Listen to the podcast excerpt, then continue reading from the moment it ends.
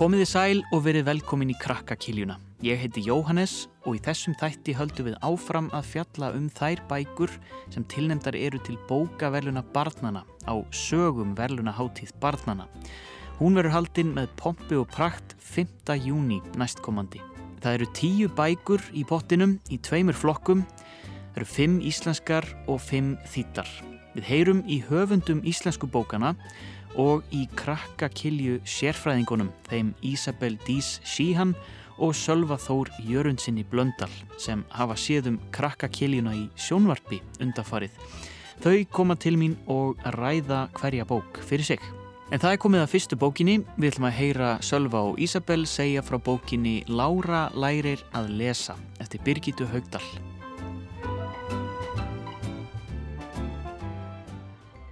Hún hérna fjallar um Láru sem er Já. að komast að því að hún getur að le lesa ekki vel og kennarinn spyr hvort hún þurfi gleru og það er raunin. Mm Já, Hún er öll með að lesa. já, Já, það er lestra gleru. já, hún er í rauninni bara um, eftir sumafrið, þá er hún bara að fara í skólan aftur, skólan er að fara að byrja aftur Já. og hún er bara að læra og svona að lesa á þenni skólinn byrja aftur og æfa sig en þá bara um, Mm. Það kemst Þá kemur þetta í ljós. þurf, þarf gleru. já. og sér bara illa og já, Já. Og svo þegar hún fær gleruð þá hún gengur betur að Já, læra já, að, já, að já. lesa. Já. Já, ég held að það sé bara Eiginlega fyrir alla sem kunna að lesa það bara. já, Svo er þetta að lesa þetta fyrir ég held að það sé sko. skemmtilegast fyrir svona krakka sem er að byrja í skóla kannski til svona fymtabekka eða fjórða kannski en já, annars bara fyrir alla held ég Já. Og Lára er aðal personan en er, eru fleiri svona sem koma, koma við sögu? Já, mamman og pappi, bekkjafélagar og einhver og Bánsi sem Já, heitir bánsinn Jónsi já, Já. Sem bánsinn hennar? sem Já. hún getur tala við. já, og bánsinn hennar fer með henni allt, Já. allt og fær enda líka gleru það er Með fær henni. gleru. já. þetta er bara eins og svona um, mann ekki alveg hvernig bækur en bara svona bækur um daglegt líf og svona um, kannski bekkur um minn eða eitthvað sem var bók Já, pínu Já, eins og bekkurum minn nefnum bara það er Já. bók um hvern nefndan og þetta er bara Já. bók um einn. Já, en satt um svona krakka sem er að byrja í skóla og svona og, Já, Þannig að þetta er hendugbók fyrir þá sem er að læra að í lesa. skóla Já, já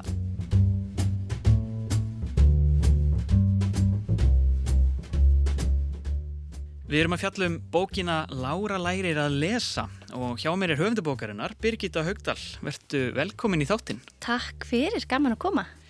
Uh, Sölvi og Ísabel voru að segja mér frá þessari bók og, og, og svona hvað gerist í henni og hitt og þetta. Uh, en mér langar að spyrja þig, hver er Lára? Hvaðan kemur þessi unga stúlka? Karakter nú Lára, já. Já. Sko, það er, það er góð spurning. Ég, hérna, þegar, þegar ég byrja að skrifa Lárabækurna þá er ég búsett í Barcelona á þá eitt barn. Flytt þangað út þegar hann er tveggjára og við búum þar í þrjú ár, þannig að millir tveggja og fimm ára hjá stráknum mínum. Og hérna, og ég var mikið að vinna á Íslandi, þannig ég var mikið á flakki og alltaf þegar ég kom heim í einhverja vinnutarnir þá fór ég alltaf í bókabúðunar, kefti nýjar íslenska bækur til að passa upp á tungumálið hjá barninu mínu sjálfsögðu og, og, og, hérna, og lesa fyrir hann á kvöldin. Og með hverri ferð hérna, heimsókn, heimsókn í bókabúðuna það var, var alltaf erfiðar og erfiðar. Ég fann aldrei réttu bækurnar. Það var mjög auðvelt fyrst þegar þetta áttu bara að vera myndasögur en svo var allt í hennu svona smá gap á milli myndabóka og svo bara sögubóka. Það vantaði þess að þennan hérna, já, svona myndasögubækur fyrir hann sem að heitluðu hann sko. Ég er náttúrulega hérna, þannig að hann var eiginlega farin að beða mig um að segja sér fyrir eitthvað sögur heldur en að hérna, lesa bækur.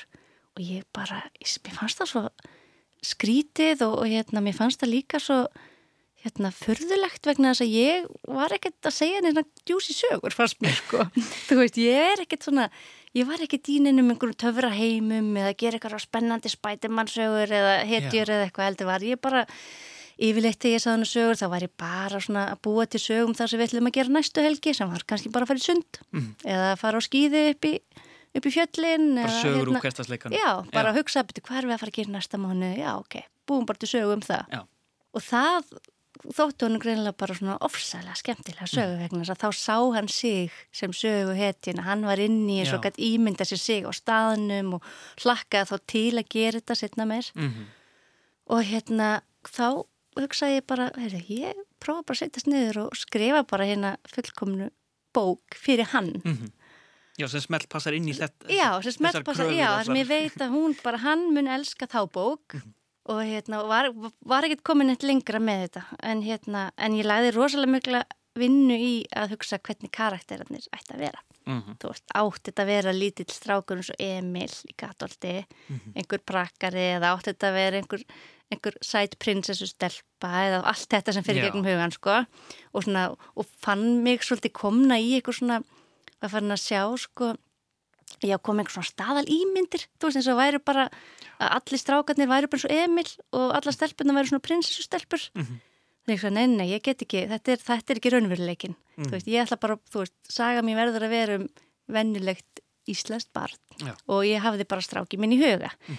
Nema mér fannst það skemmtilegra að hann væri að lesa sögur þar sem að stúlka væri aðalpersonan Mm. vegna þess að í bókabúðinu voru eiginlega allar aðalpersonar strákar. Já, Þá, það er mikið gerst, það er nokkur ár síðan sko. já, Þannig að, hérna, já, þannig að að svo allt innu poppaði bara lára upp í huga minn. Ég vissi nákvæmlega hvernig hún átt að líta út og ljónsi, þú veist. Strákurinn minn, hérna, heiti Víkingur, hann átti alltaf apabangsa. Þannig ég svo, ok, allega stelpuna með ljónabangsa. þetta er rosa dýrmætt uh, þetta svona aðal töskudýrið sko Já, ummitt. Það er nefnilega, það eru svo mörg börn sem að eiga svona aðal tuskudýr sem að er einhvers konar öryggisteppi. Já, þú veist, þau vilja sofa með þetta, ferðast með þetta og, og, og eru að hugsa, jafnvel, spjalla við það í huganum Mhm. en ekkert upp átt, eitthvað sem við vitum ekki og heyrum Já. ekki. Þannig að hérna, þá kom upp, já, þannig var Lára til Já. og Ljónsi einmitt. Og besta vinkona mín úti úr Barcelona hérna, þessum tíma, hún hétt Lára og er alveg yndisleg og þá bara nafnið smelt passaði við yndisluðu Láru persónuna mína líka. og þarna er þetta bara komið? Já, Já, og hver, sko þarna er þetta, þetta byrjar eins og segir sem svona munnmæla sögur bara svona uh, þú ert bara að skálda um, um hérna, það sem er að gerast næstu helgi og eitthvað svona. En svo þurfa ákveður að hérna nútlega skrifa þetta niður og þarna er komin persóna og hún heitir Lára og hún er svona og lítur svona út og breytist ekki aðeins svona við að, að setja þetta á blað Já, ég átti mjög auðvelt með þetta Já. vegna þess að ég var ekki að stressa mig á neinu öðru en að búa til góða og fallega sögu fyrir drengi minn. Þú veist, ég var ekki að úthugsa neitt eða pæla, ég var ekki að flækja þetta fyrir mér Mhm. Og fyrsta bókin sem ég skrifaði var Lára fyrir flugvél og það var bara strákurinn minn elskað að fara í flugvél. Mhm. Þú veist, hafði ekkert oft gert það en þetta var náttúrulega bara eins og að fara í inn í eitthvað ævintýri að fara í flugstöðuna og inn í flugvélina og fljúa og horfa út og allt þetta. Já, já, Þannig ég hugsa að þarna býja bara til ævintýri hans sem er samt bara raunverulegt og hann á eftir að gera þetta aftur og aftur og, og hinn börnin sem að lesa söguna þau vonandi einhvern tíma líka eftir að fara í flugvél Já. þannig ég vildi svona já þannig ég var, þetta var bara að skrifa bara af algjöru bara svona ást og umhyggju og ekkert að flækja neitt sko. Mhm, einmitt. og ég hugsaði ekkert um hvað ætli önnu börn fíli eða hvað ætli Já. þau, þú veist, á ég er hann að skrifa fyrir massan, þú veist, Mhm. þess að selja bókina, veist, það hefur aldrei verið þannig, ég hef bara alltaf verið að hugsa, ég ætla að hitti í mark hjá barninu mínu Mhm. og svo er ég bara svo heppin að ég hitti bara í mark að, hjá fleiri börnum. Já, þú finnur, þú finnur einhverja frásögn, einhverja, einhverja spennu í því sem að einhvernum finnst kannski hverstaslegt eða bara svona tekur ekki eftir eða eitthvað, eitthvað þannig. Já, Já. Ég, ég veistu það, hver einasta bók hefur verið skrifuð fyrir barnið mitt. Þú veist, ég veit að, að þessi titill, hún mun elska hann. Mhm. Eða vikingur, svonni minn sem er náttúrulega núna, hann er 12 ára. Þannig að núna er hann svona hættur að vera jafnspendur, eðlilega. Að hérna, nú er, er, það, er hún tekin við, hún Saga Júlia. Og ég er alltaf, einasta bók er skrifuð, það er titill sem ég veit að slæri gegn hjá þeim. Mm Og svo bara krossa ég fingur yfir Sér því. hvað gerist. Já, sé bara hvað gerist. Akkurat. Birgita Haugdal, takk kærlega fyrir að koma í krakka kiljuna og gangiði vel til hamingju með aftur þessi, þessa tilnefningu og við bara hlökkum til að sjá meira á Láru. Kæra þakkir fyrir mig.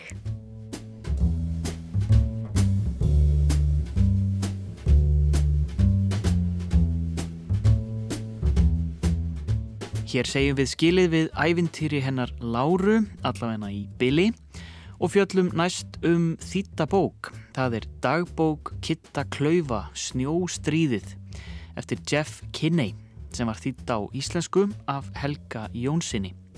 Sölvi og Ísabel sögðu mér betur frá.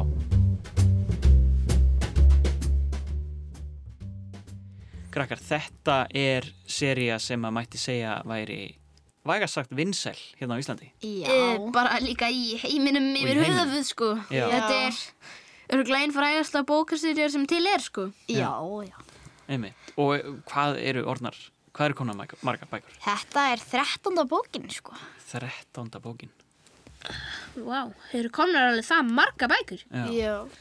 Og þessi heitir Snjóstríðið, þannig að það, hún gerist um vetur, eða hvað? Já, hún gerist Já, um veitur í rauninni. Og við erum bara líf hans sko hann er fer bara vennilega skóla og Já. Sko, svona, fyrst helmingurinn af bókinni er bara um lífið hans. Svo kannski setni er svona um svona, náttúrulega bókina, bara svona skáldsaga, já. Og þetta er bara svona um krakkana í gutinni að keppast í snjóstrið, basically. það er sko gatan skiptið tvönd, það er efri gatan og neðri gatan Já. Og sumrin vilja allir leika sem með bolta og vilja allir koma í neðri götuna en þá ráðast krakkarnir og neðri götunni á efri götu krakkana Það er svolítið svona stríð á milli, já, en þegar það komið snjór þá náttúrulega snýst þetta við af því allir vilja lerna sér að sleða niður í efri brekkunni Já. og þá er, koma þau að negla snjóboltum í þá og henda þeim niður hinnum Já. strákunum Mm. þannig að þetta er bara svona Mhm. Svo strákur sem var í efri brekkuna og fór í neðri brekkuna þá var engin leika með hann í neðri brekkunni og ekki heldur efri brekkuna því hann er komin niður í neðri brekkuna Já. þannig að hann er bara svona einn hana Já. Og bara fyrir ekkert út eða bara. Einmitt. þóra ekki út Já. og svo er þetta bara svona fyndnar sögur sem hann skrifar á hverjum degi hann lappar hann getur ekki eins og lappað beint í skólan sko. hann Já. stoppar á pizzastað og stoppar heima hjá einhverjum Já, stoppar með Bara- ömmu sinni og bara. Já. Og þetta er, er skrifað svona eins og dagbók, þetta er hans Já, dagbók. nákvæmlega. þetta er hans dagbók já en með mjög merkilegt líf Já, Já. einmitt. Og við erum búin að fylgjast með honum og þið, hvað, eru þið búin að lesa, eru þið búin að lesa marga bækur eftir hann? Allar nema þín eigin dagbókana það er ekki hægt að lesa hana Já. þú átt bara að skrifa þín eigin dagbók Já, Ég held ég að við lesi meir en helmingin, sko. já. Þetta er þessi eitthvað náttúrulega- öðruvísi? Er þetta Nei, ekki Þetta er frekar mjög, svipað, sko. Já. meira af því sama? Þetta er svona, það er mjög skrítið þegar það er sami karatinn í bókum. Það finnst sér eins og bókin sé næstu í alveg eins en þegar þú fyrir að hugsa um hana þá er hún allt öðruvísi en samt einhvern veginn eins. Já, einmitt. Já. Það er svona margt mjög líkt. Já. Þetta er Já. sami stíl og er Maður- sami... þekki persónurnar. Já, og- já, já. Já. Er einhverja skemmtilega persónur svona fyrir utan kitta sem að koma, koma fram í þessari? Uh, Randver, já, besti er- hans. Já, Randver er svolítið, fyndir svolítið mi- mikið svona, hvað sem var? Hann er klár, Já, en samt ekki klár. Já, já, hann er er svona- Já. Katta, kallar kitti sig klaufa sjálfur? Nei, Nei. hann, hann er fullkominn. Hann er fullkominn. Já. Já. Já. Hann gerir allt rétt og öllum hinnir reglum. eru skrýtnir. Já, Já. Ekki, ekki hann. nei. Þótt að hinnum finnist öruglega Að hann vera klaufi, já. Og myndið segja að það væri svona eitthvað sem kom á óvart í þessari, svona, kannski sérstaklega miða við hinnar bara bækunar. hvað nær vel í hverri bók að finna skrýtna sögum með þessum karakter sko. Það er bara fáránlegt. Já. Það Já, er bara 13 bækur, sko. sko 13 bækur og Og allt með mismunandi saga sögur. fyrir hvern dag í svona árið og eitthvað. Já. Svo maður er bara, wow. Já. Trúlega hugmyndaríkur. Mm. Hafið þið haldið dagbók? Já. Ég reyndi það. Eitthvað tíman held ég alveg í fymtabekka eða eitthvað. Já. Það eru Ég- ekki kannski, já, fjörugur og, og þessi? Nei, nei, alls ekki. Ekki nema að maður byrji bara að skálda og gera sína Já, eigin. já, einmitt. eins og hann gerir, já. Eru bækurnar um Kitta Klaufa, eru þar líkar einhverjum öðrum sem þið þekkir? Ég var að Þekkir? býða eftir þessar spurning. sko en að það er önnur bók sem heitir Lindabá Lindu sem er líka svona dagbók um hana. Já. Hvernig eru þær bækur? Það er eiginlega bara eins og þessi bara um Lindu Mhm. en sem er bara komin í mentaskóla. Þannig, Já. já, Hva, á, á hvað aldrei er Kitti? Hann er ennþá í bataskóla. Já, Já. grunnskóla. Og mæliði með bókunum um Kitta? Ef við, sko, við tökum bara þessa, töl, tölum fyrst bara um uh, snjóstríðið. Já, Mæliði með henni? já, já. Auðvitað. Bara stór skemmtileg. Já. Og bækurnar um Kitta almennt, eru þið, hérna, takið alltaf nýjustu þegar, ég, að mæta? ég er eiginlega nýbyrjaður að lesa seruna. Já.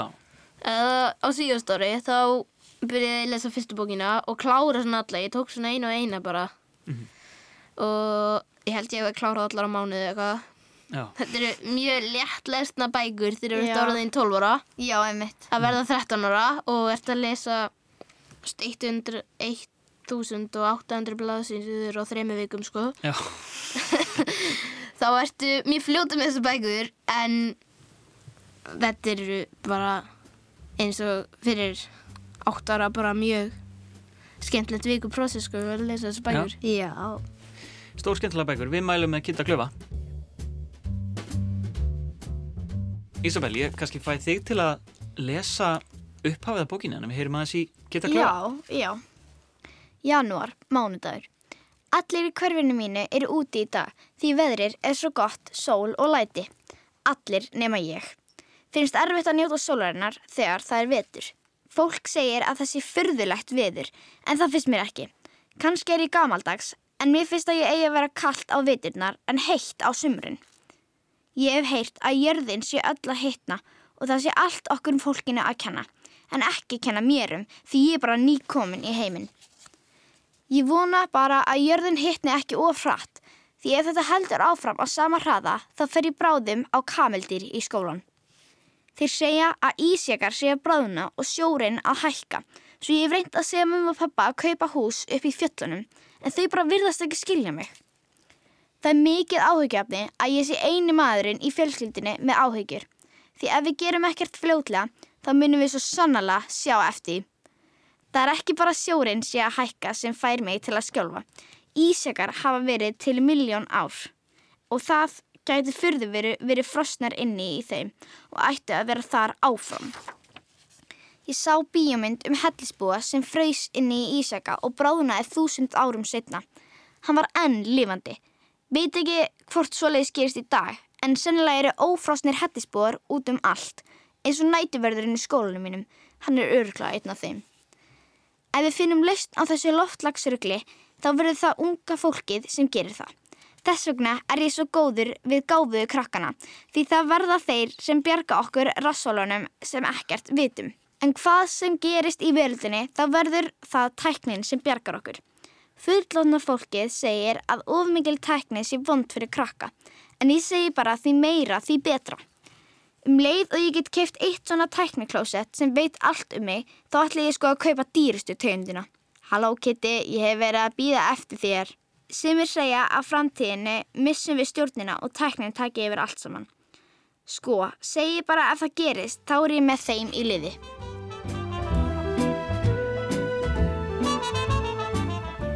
Þá er ekki fleira í krakkakiljunni að þessu sinni.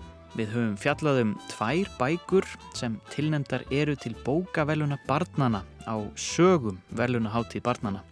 Það voru bækurnar Lára lærir að lesa eftir Birgitu Haugdal og dagbók Kitta Klaufa, Snjóstríðið eftir Jeff Kinney. Við heyrumst svo aftur í næstu viku þar sem við fjöllum um fleiri bækur og heyrum í höfundi. Takk fyrir mig og bless í byli.